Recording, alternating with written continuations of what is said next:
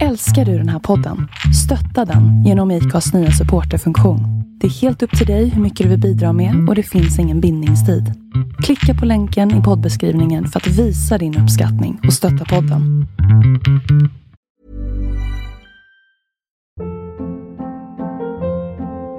Hold up. What was that? Boring. No flavor. That was as bad as those leftovers you ate all week. Kiki Palmer here, and it's time to say hello to something fresh and guilt-free. Hello Fresh. Jazz up dinner with pecan-crusted chicken or garlic butter shrimp scampi. Now that's music to my mouth. Hello Fresh. Let's get this dinner party started. Discover all the delicious possibilities at hellofresh.com.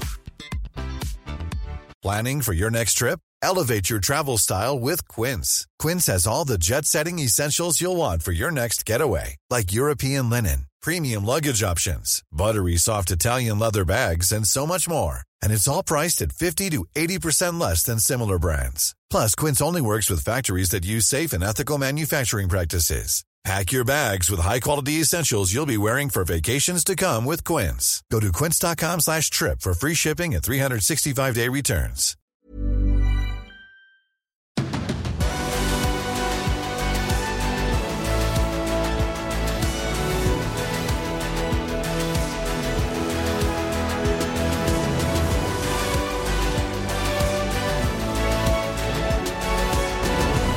Hej och välkommen till eh, MotoGP-podd nummer 117. Med mig, Tobias Lajon och med Andreas Mårtensson. Och eh, Andreas, det här kommer bli en inför-podd inför eh, racet kommande helg på Sachsenring. Hur känner du? Hur är läget med dig? Ja, men det är kort tid mellan våra poddar här va? Två den här veckan. Ja, det, är bara, det, gäller att, det gäller att fylla dem med någonting. Jag hoppas vi kan eh, krama ut någonting här inför helgen. Ja, men det blir lite kortare, men eh, försöker rikta det mot eh, inför Sachsenring då, som är i helgen. Mm. Eh, och eh, ja, det är lite bra tycker jag. Sachsenring där eh, du har tävlat. Jag har kört race. Jag tänker inte dra upp något resultat därifrån. inte en av de helgerna som går till historien som är bra för mig. Men eh, en, en spännande bansträckning har vi i alla fall att gå igenom där. Mm. Eh, lite nyhetssvep. Det lilla som har eh, hänt sen senast. Och sen också kring startnummer 17 som eh, får vara med denna podd. Ska vi börja med 17 direkt? Jag tycker vi börjar med 17. Jag hittade två i arkivet, långt bak i huvudet, nummer 17. Och eh, det kan säkert finnas någon mer känd som har haft 17, det vet inte jag. Men de jag kommer på, det är Karel Abraham från Tjeckien. Och det är John McPhee från Skottland. Mm. Ganska ovanliga nationaliteter om vi tar den ingångspunkten i det här. Ja, en MotoGP-förare som har kört i alla tre klasserna egentligen, med Abraham. Och så McPhee då, som fortfarande är aktiv. Och han vill väl uppåt i eh, klasserna, så kan vi konstatera. Han kör ju Ja. Moto 3 fortfarande. Ja, men exakt. Men du, eh, Karel Abraham där har du några personliga eh, minnen kring hans karriär? När han snubblade till sig en seger i Moto 2 första säsongen och körde Moto 2 var det väl 2010. Eh, på Valencia, finalen där. Jag kommer inte riktigt ihåg hur det gick till, men, men han på något sätt så, så lyckades han vinna. Eh, och sen så tog han ju steget upp till MotoGP och sen, sen var han ju kvar där i någonstans runt åtta, sekund, åtta säsonger. Eh, på lite sämre material. Ja, det var ju tydligare. Det var ju tydligare. Det är inte så långt tillbaka, men det var ändå tydligare med skillnader i, eh, förutsättningar. Ja, jo. Men inte den vassaste föraren heller är han ju inte om man ska vara, vara helt ärlig. Utan kanske var på i MotoGP för dels ekonomi, men alltså det är klart han inte är dålig. Vinner man ett race i Moto 2 och kört MotoGP i åtta år så är man inte dålig. Nej, bra förutsättningar får man väl säga också där kring eh, att hans pappa äger banan eh, i Tjeckien, stora GP-banan Brno. Eh, och det har väl gjort att han har, jag menar han har ju haft alla förutsättningar att komma in i eh, den här typen av Ja, verksamhet. visst, absolut. Eh, jag kommer ihåg när han körde 250, jag körde väl Aprilia där några säsonger. Alltid den senaste, finaste hojen, det var ju snudd, snudd under fabrikscyklarna. Lorenzo körde väl en av säsongerna där. Det var ju likadan i princip. Men du, det, här med pengar och, och att det kan skapa plats, det är klart att det är en förutsättning att komma igång. Men, men sen då för att ta de här sista kliven upp i fabriksteamen, där måste det ju också till eh, eh, både timing som vi varit inne på, men också en rejäl dos med talang. Och Ja, går, att- går att peka på någonting där och som, eh, som eh, Hannika saknar? Eller, vad, eller om man Abraham. vänder på... Ja, förlåt. du är inne på Karel Haneke. Ja, Det är också en, en förare från Tjeckien, men han- är tyvärr ingen MotoGP-förare. Hur många gånger har jag sagt Hannika? Jag vet inte, men jag tror fem, sex. Om, Vi- man, om man tar försnacket vi har haft Ja, här. vi, eh, jag får faktiskt ursäkta mig med att det var Le Mans i helgen, 24 timmars, och där körde Karl Hanika. Så jag har följt honom här under helgen. Haneke har väl kört 125 va? Ja, stämmer. Han, och Red Bull Rookies Cup. Red Bull Rookies, ja. Mm. Slogs han inte med eh, Stula Bors kanske? Nej. Jo, det undrar om det var de som gjorde upp om eh, titeln i år. Ja, det var nog så. Det stämmer. Men du, Abraham här då, och eh, det här som, som skiljer eh, de förare som sen då tar plats i fabriksteamen, vad är det? Går det att peka på något generellt där som är som saknas eller som tillkommer? Det är svårt att veta exakt vad han var bra på och mindre bra på. Alltså, han, han är en snabb förare eh, och, och skulle sopat banan med vilket nationellt mästerskap som helst i princip.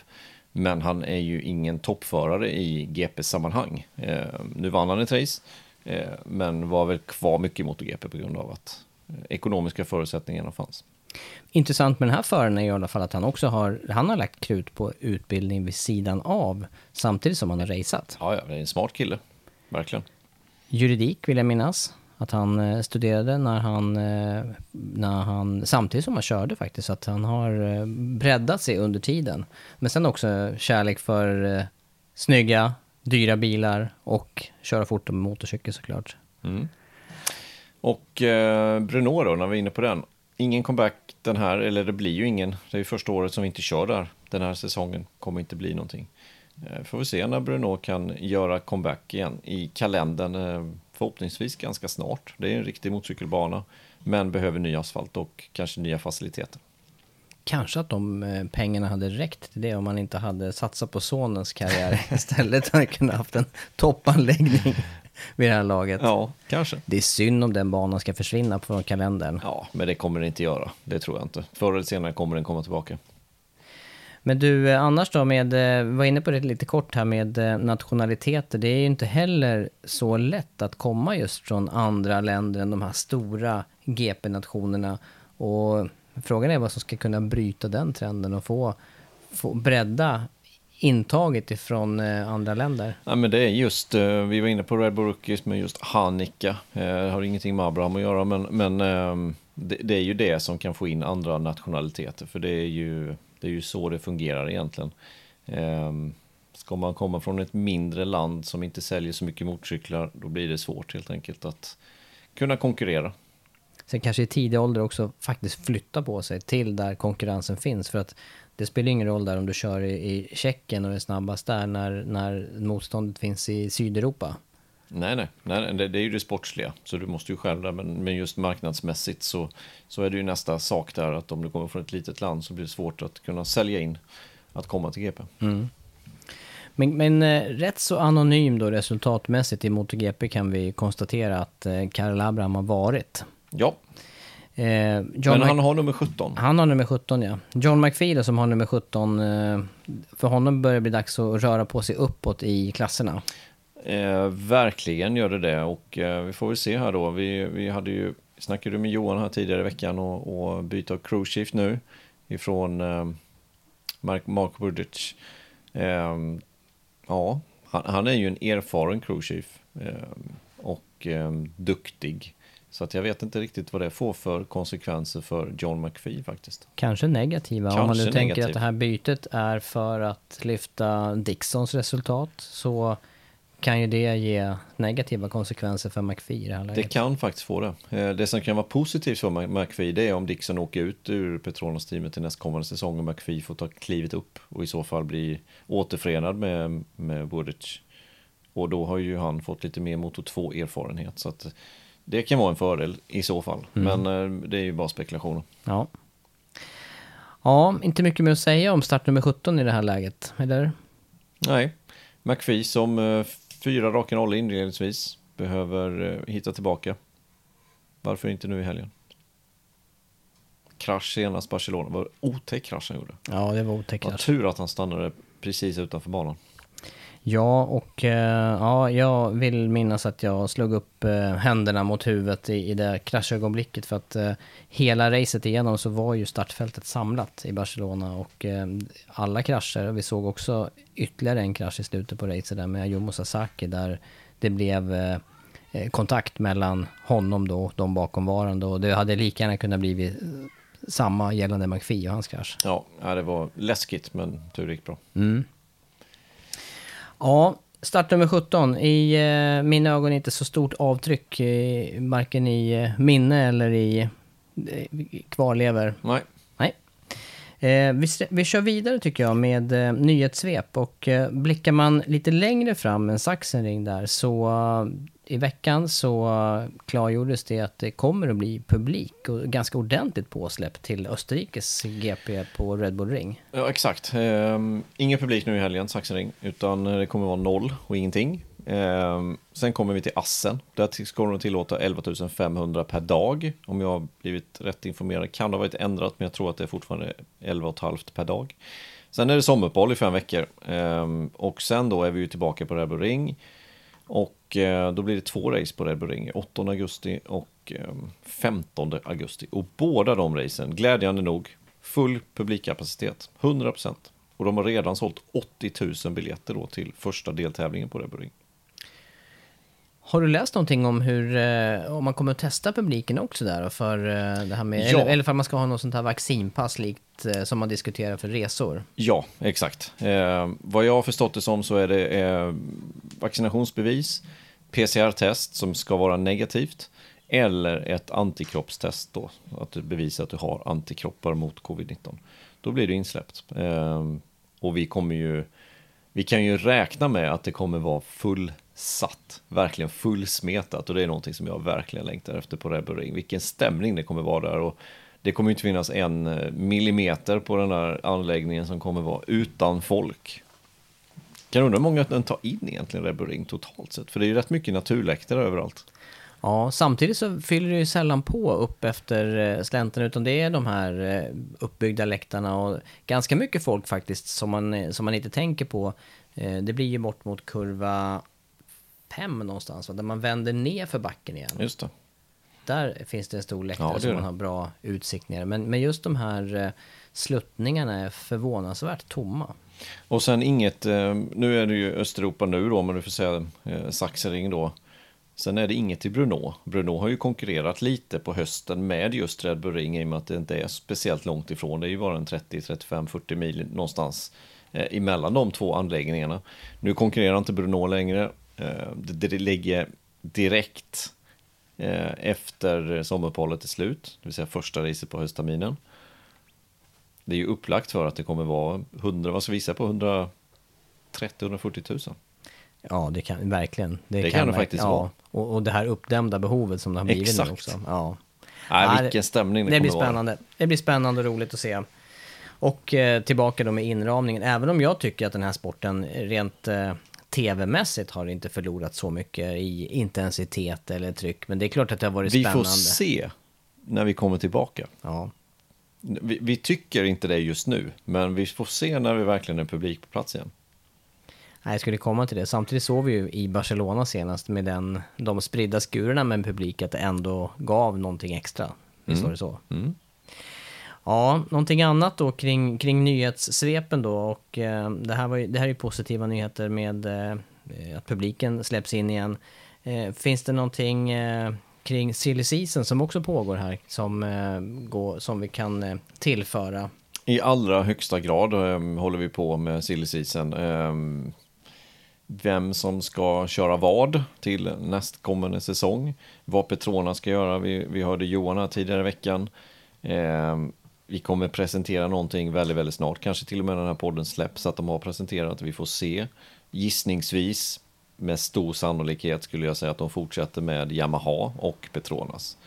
Eh, då är ju frågan vilka förare väljer de? Eh, beslut från Rossi lär ju vänta lite som som Johan var inne på. Eh, mycket tyder på att han inte kommer fortsätta. Då ska de in en ny förare där. Vem kommer det bli? Jag hörde rykten om att, eh, att Brad Binder var aktuell för den styrningen. Jag hörde rykten om att Remy Gardner var aktuell för den styrningen. Båda två signat med andra fabrikat. med KTM rättare sagt båda två. Ehm, vem är det då som ligger i pipen? Är det någon ifrån eh, Moto2? Är det Vierche, Dixon? Svårt att se någon av dem, om jag ska vara helt ärlig. Ehm, men kanske i brist på annat. Mm. Ja, det, finns, mycket, men, men just nu då så har det mest rört på sig, som du säger, på eh, KTM-sidan när det gäller att eh, signa förare. Ja, men exakt. Eh, Brad Binder signad eh, och eh, även Gardner då signad. Så det är ju intressant också. Senaste ryktet var ju att eh, Acosta skulle vara klar för VR46. Eh, vilket Rossi gick ut sen och, och dementerade. Eh, och, och, det tror jag faktiskt inte heller ligger så mycket i det. Utan Rossi vill nog bygga upp italienska förare från grunden. Inte ta in någon spansk förare rätt som det är. Där, bara för att det går bra för honom just nu då. Utan jag, jag tror nog inte att det ligger så mycket i de ryktena. Men vem vet?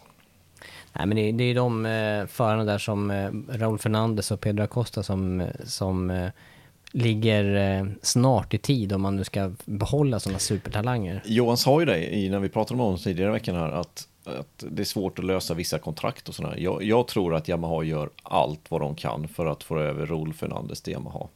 Tänk Rol Fernandez jämte Franco Morbidelli på en bra spesad Yamaha till nästkommande säsong.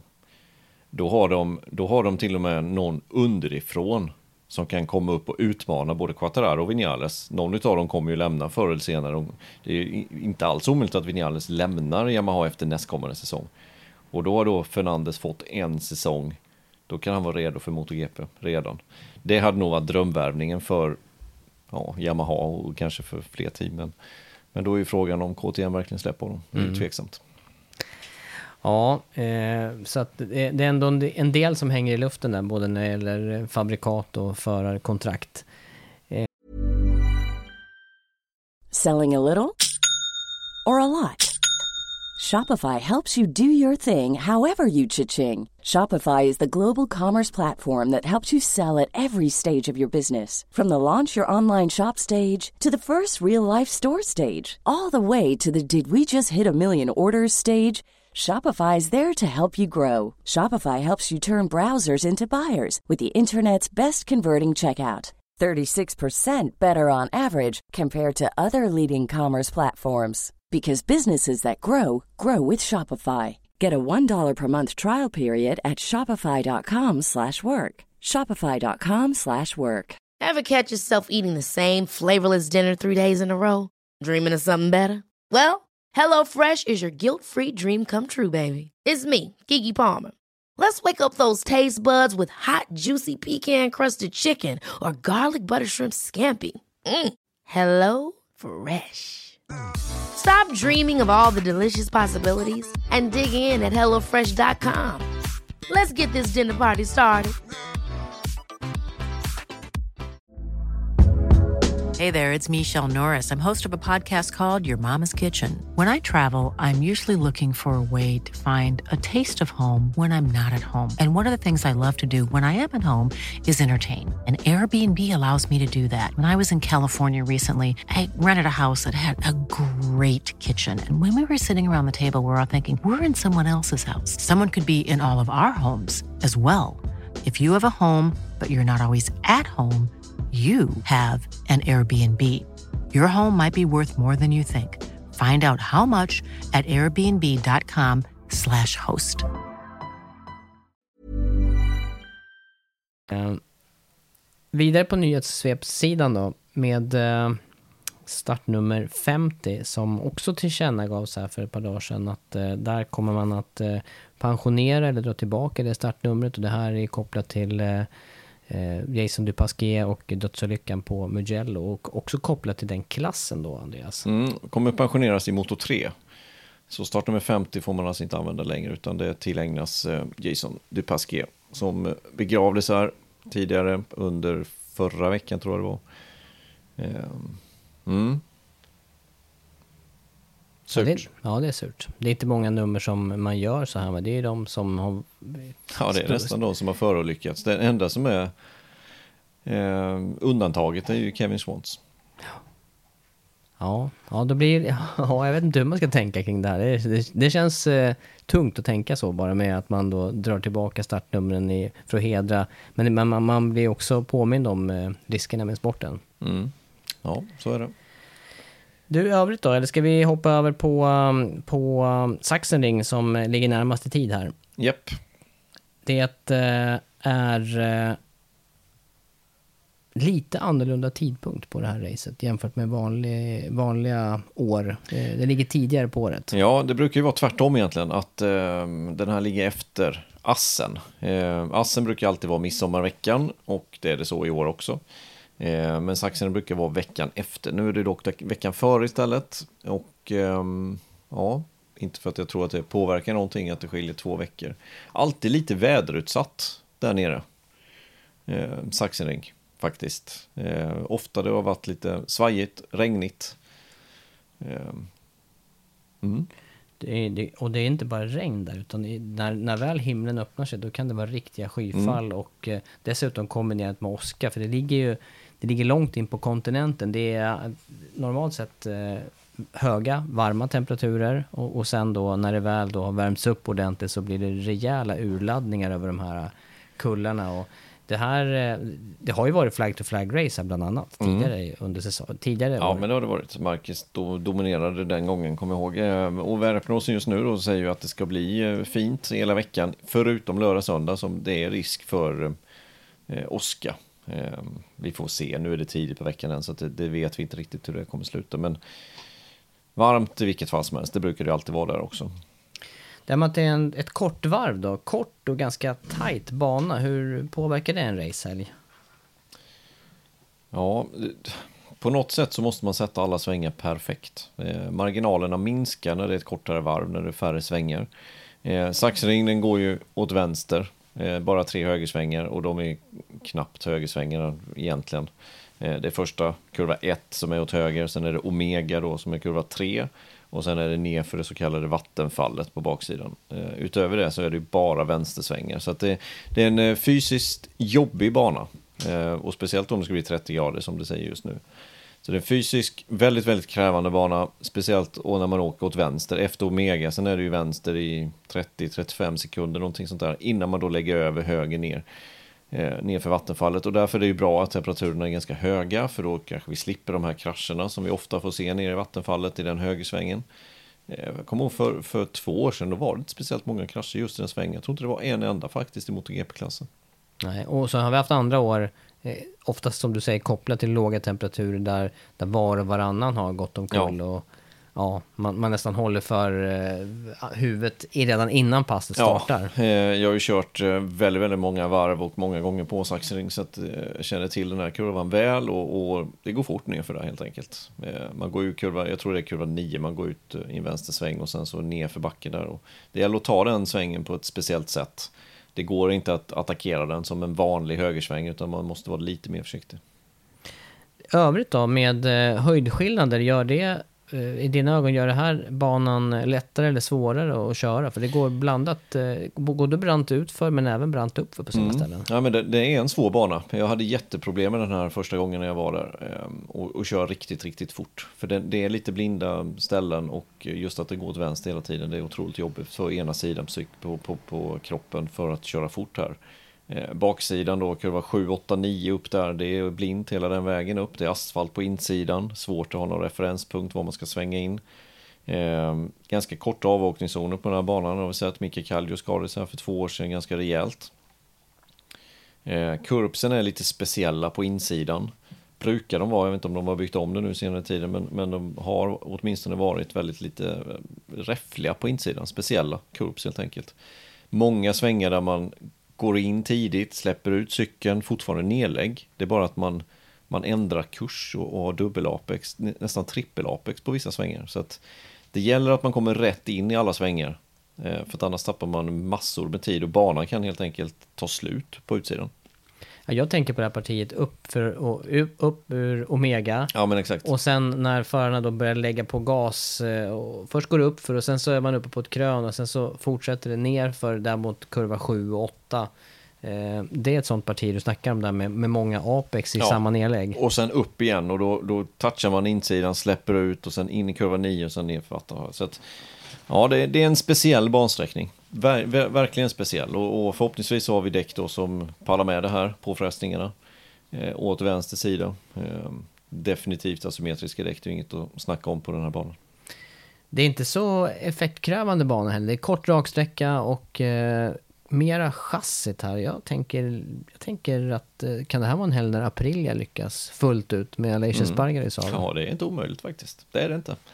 Eh, det finns många sådana där inför helgen intressanta saker. Just, just hur Ducke brukar ju aldrig gå bra runt Saxring. Det brukar vara stora problem för Ducati och det tror jag de kommer få i år också. Även fast det, det har sett lite bättre ut på knixiga banor för deras del under den här säsongen. Men jag tror att de kommer få lite större problem. Yamaha borde gå bra, Suzuki borde gå bra. Aprilia är det ju kanske dags för. Kanske är deras bästa möjlighet. Ehm, inbromsning under nedlägg vet vi att Alicia Sparger och Aprilia är bra på.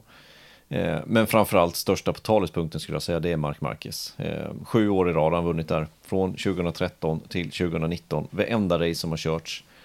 Eh, dessutom så vann han både 10, 11 och 12. Alltså 2010, 2011, 2012 i eh, först 125 och så två gånger i Moto 2. Så att 10 raka segrar för Mark Marquez. Det är en av hans absoluta banor där han är mest överlägsen på och har varit genom tiderna.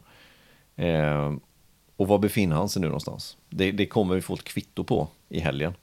Eh, Ja, men jag tänker att det är skillnad på, han säger att han är bättre lämpad just nu eh, för vänstersvängar. Eh, det, det var, han var stark på vänstersvängar innan, men just skadan gör det också lättare att ta vänstersvängar. Men sen säger du eh, att det är väldigt statiskt och det är samtidigt om man inte är i 100% form kommer hans kropp att fixa det här och hänga åt ett håll ett helt race? Det, är- det är också en... Svårt att veta. Ja, det är svårt, att veta. Men, men jag, kanske, jag är nog inte mest intresserad av om man själv klarar hålla ett helt race utan att, att tröttna om krokarna själv. Utan jag är mest nyfiken på, har han speeden? Har Honda speeden? Det är jag intresserad av.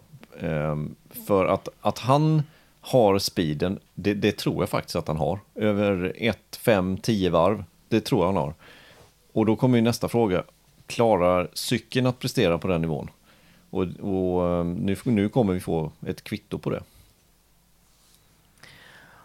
Ja, det, det, ja jag, jag tänker samtidigt som du snackar här och eh, om det nu inte funkar då?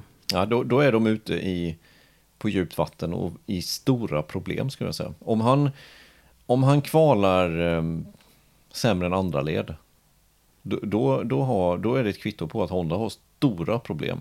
Och att de inte är ens i närheten av att ha en cykel som... Att, att, då, då kan vi nog... Då kan vi säga så här då, att hans fysiska förmåga är inte det enda som är dåligt hos Honda. Och, och i det teamet. Men, ja. Skulle, skulle jag tippa någon inför racet här, då tippar jag Mark Marquez. Ja, du gör det trots Ja, det läget gör, nu? Det, gör- det gör jag faktiskt. Mm. Det gör jag för att jag kommer ihåg senast vi körde här, han hade ju liksom, nu har jag inte det i huvudet, men, men alltså det var ju, det var ju sån överlägsenhet på första träningen så att de andra hade inte en suck. Ehm, ja. Mm. Nej, det, det kommer bli intressant faktiskt.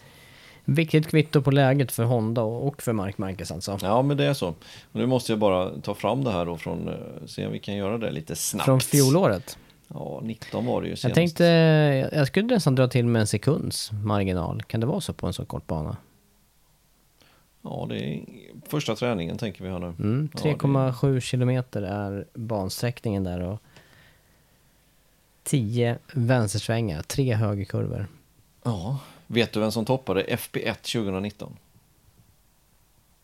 Fabio Quattararo. Gjorde han det? Mm. 74 tusendelar före Mark Marquez och sen var det ytterligare 5 tiondelar till Rossi som var tre. Yamaha verkar gå bra, Suzuki på en fjärde plats. Yamaha även på en femte plats. Så det var Yamaha, Suzuki och Mark Marquez topp 5. Mm. Sen vet vi ändå att det står inte stilla. Det har vi konstaterat Nej, det gör med, inte med det. utvecklingen. Nej, jag, jag tror också att Yamaha kommer bli eh, riktigt eh, vassa faktiskt. Men i övrigt då, eh, vi har också tittat på eh, kvalen den här säsongen och kvalen generellt. De, med jä- jämnheten i eh, klassen så blir ju också kvalen än mer viktiga. Och kanske ännu mer på den här banan tänker jag med eh, få omkörningsställen. Vad har vi för tydliga omkörningsställen runt det här varvet? Kurva 1, eh, är ett bra omkörningstillfälle. Eh, sen är det egentligen efter vattenfallet. Ner i kurva 11. Jag Ja. tror det är 12 svängar på banan. Kurva 11, bra tillfälle. Det kanske är det bästa. Eh, kurva 12, sista svängen, svårt att göra någonting. För den, den går så pass fort in i den svängen. Det, det går uppför, Den är ganska bankad den svängen, alltså ganska bra dosering. Vilket gör att man behöver inte bromsa så hårt in i den, ganska hög ingångsfart. Så att det är svårt att köra förbi där. Så kurva 1 och kurva 11. Och där också med, med kurva 1 att tillägga, det är ju att den, den är också faktiskt blind. Den här eh, start och målrakan är väldigt eh, varierad i, eh, vad ska jag säga, nivåskillnad. Gå upp för och sen planar det ut och sen så går det lite ut för just in i kurva 1 och det är lätt att tappa framhjulet där in i, i första svängen. Eh, ganska kort sträcka från startlinjen fram till första kurvan. Eh, så att, ja, som sagt, ingen Ducati-bana. Nej, men det gör ju också att kvalet här kommer att bli Ja, superviktigt exakt. på, på Exakt. lördag. Ja, exakt. Ja, ingen publik alltså. Sachsenring, däremot eh, stort intresse kring eh, Mark Marquez och Hondas eh, läge, styrkor i, i helgen då som kommer i Tyskland. Är det några andra förare som du vill lyfta fram då kring den här banan som skulle kunna skrälla i sammanhanget? Nej, inte skrälla. Det är Aprilia skulle kunna göra bra resultat. Eh, men annars så, ehm, så tror jag det kommer vara de vanliga, om man nu får säga så. Eh, Quattararo kommer vara definitivt, vi såg resultaten som jag nämnde precis. Han var med även på kvalet, två tiondelar tog Marcus Pool med, men det var Quattararo som var som var på eh, en, en andra plats och det var ju hans första säsong i MotoGP ska vi komma ihåg då på den här spesen som inte ens var i närheten av fabriksspes. Så att Quattararo kommer vara tuff. Det var ju något år Jonas Folger hetsade Marquez också där. Just på Sachsenring. Så Yamaha går ju uppenbarligen väldigt bra där. Ja, det, ja. att, jag tänker eh, att Morbidelli skulle kunna vara med bra. Det, Ja. det, här kanske hans, eh, här kanske de här skillnaderna mellan fabriksspec och hans specifikation är inte så tydliga. Mm, kan mycket väl vara så. Absolut. Nej, jag, jag, jag tror det kommer stå mellan Yamaha. Eh, Suzuki är jag lite tveksam till. Eh, Rins verkar vara på väg tillbaka.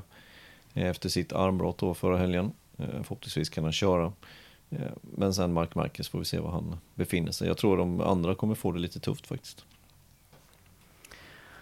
Ja, bara några dagar bort till deltävling nummer åtta. Det närmar sig också halvtid i mästerskapet. Nu är det dubbla racehelger som väntar med, med Sachsenring och Vilken, Ja. vilken period vi är inne i ja, just det nu. är häftigt. Sachsenring nu i helgen och sen är det Assen. Äntligen! De här två racen. Vi såg inte de här förra året. Det ska bli extremt kul att se båda de här banorna tycker jag. Faktiskt. Ja. Mm. Sen är det sommaruppehåll. Sen är det sommaruppehåll ja. Och sen nystart med eh, förhoppningsvis då, nu blir det också ett bra sommaruppehåll. Eh, Det här kan ju hjälpa för som har varit småskadade och eh, komma tillbaka och vara fullt återställda inför höstsäsongen Mm. på mästerskapet. Ja. Ja, nej, spännande helg i helgen och eh, vi sänder på V-sport 1. Det är Formel 1 samtidigt från eh, Frankrike. Le Castellier. På Ricard. Just det, just det. Eh, så de sänder ju på motor, vi får flytta på oss till Sport 1. Jag tror de kör tre race i rad, för sen har de en doubleheader på Red Bull Ring nästa helg och helgen efter. Men eh, vi har Sachsenring den här helgen och eh, som sagt, det är vanliga Europatider. Första Japp. träningen 9.45. Och racet då, 13.25 i så fall. mm, Om att det, är om det inte krockar med, eh, om man inte har gjort något upplägg där kring eh, Formel 1 så att Nej, det jag tror de startar 15 faktiskt. Eh, jag ska inte svära på det, men jag tror att det är så.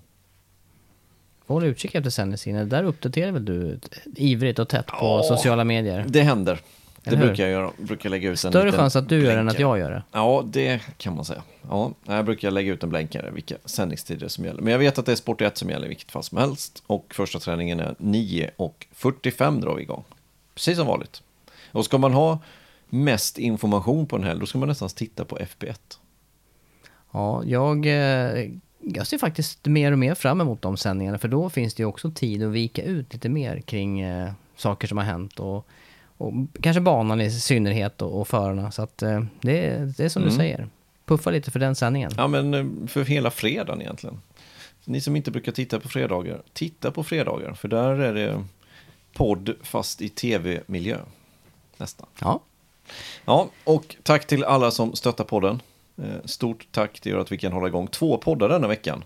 Nu blev det ju ingen förra veckan så eh, vi får hoppas att det är okej istället att köra två den här veckan. Och eh, vi försöker väl podda emellan racen här med då sen. vi får hinna med det tycker jag. Ja, efter Saxering och infasen.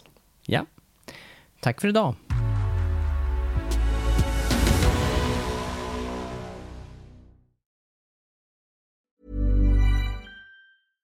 Imagine the softest sheets you've ever felt. Now imagine them getting even softer over time. That's what you'll feel with Bowl and Branch's organic cotton sheets. In a recent customer survey, 96% replied that Bowl and Branch sheets get softer with every wash. Start getting your best night's sleep in these sheets that get softer and softer for years to come. Try their sheets with a 30-night guarantee. Plus, get 15% off your first order at bowlandbranch.com. Code BUTTERY. Exclusions apply. See site for details.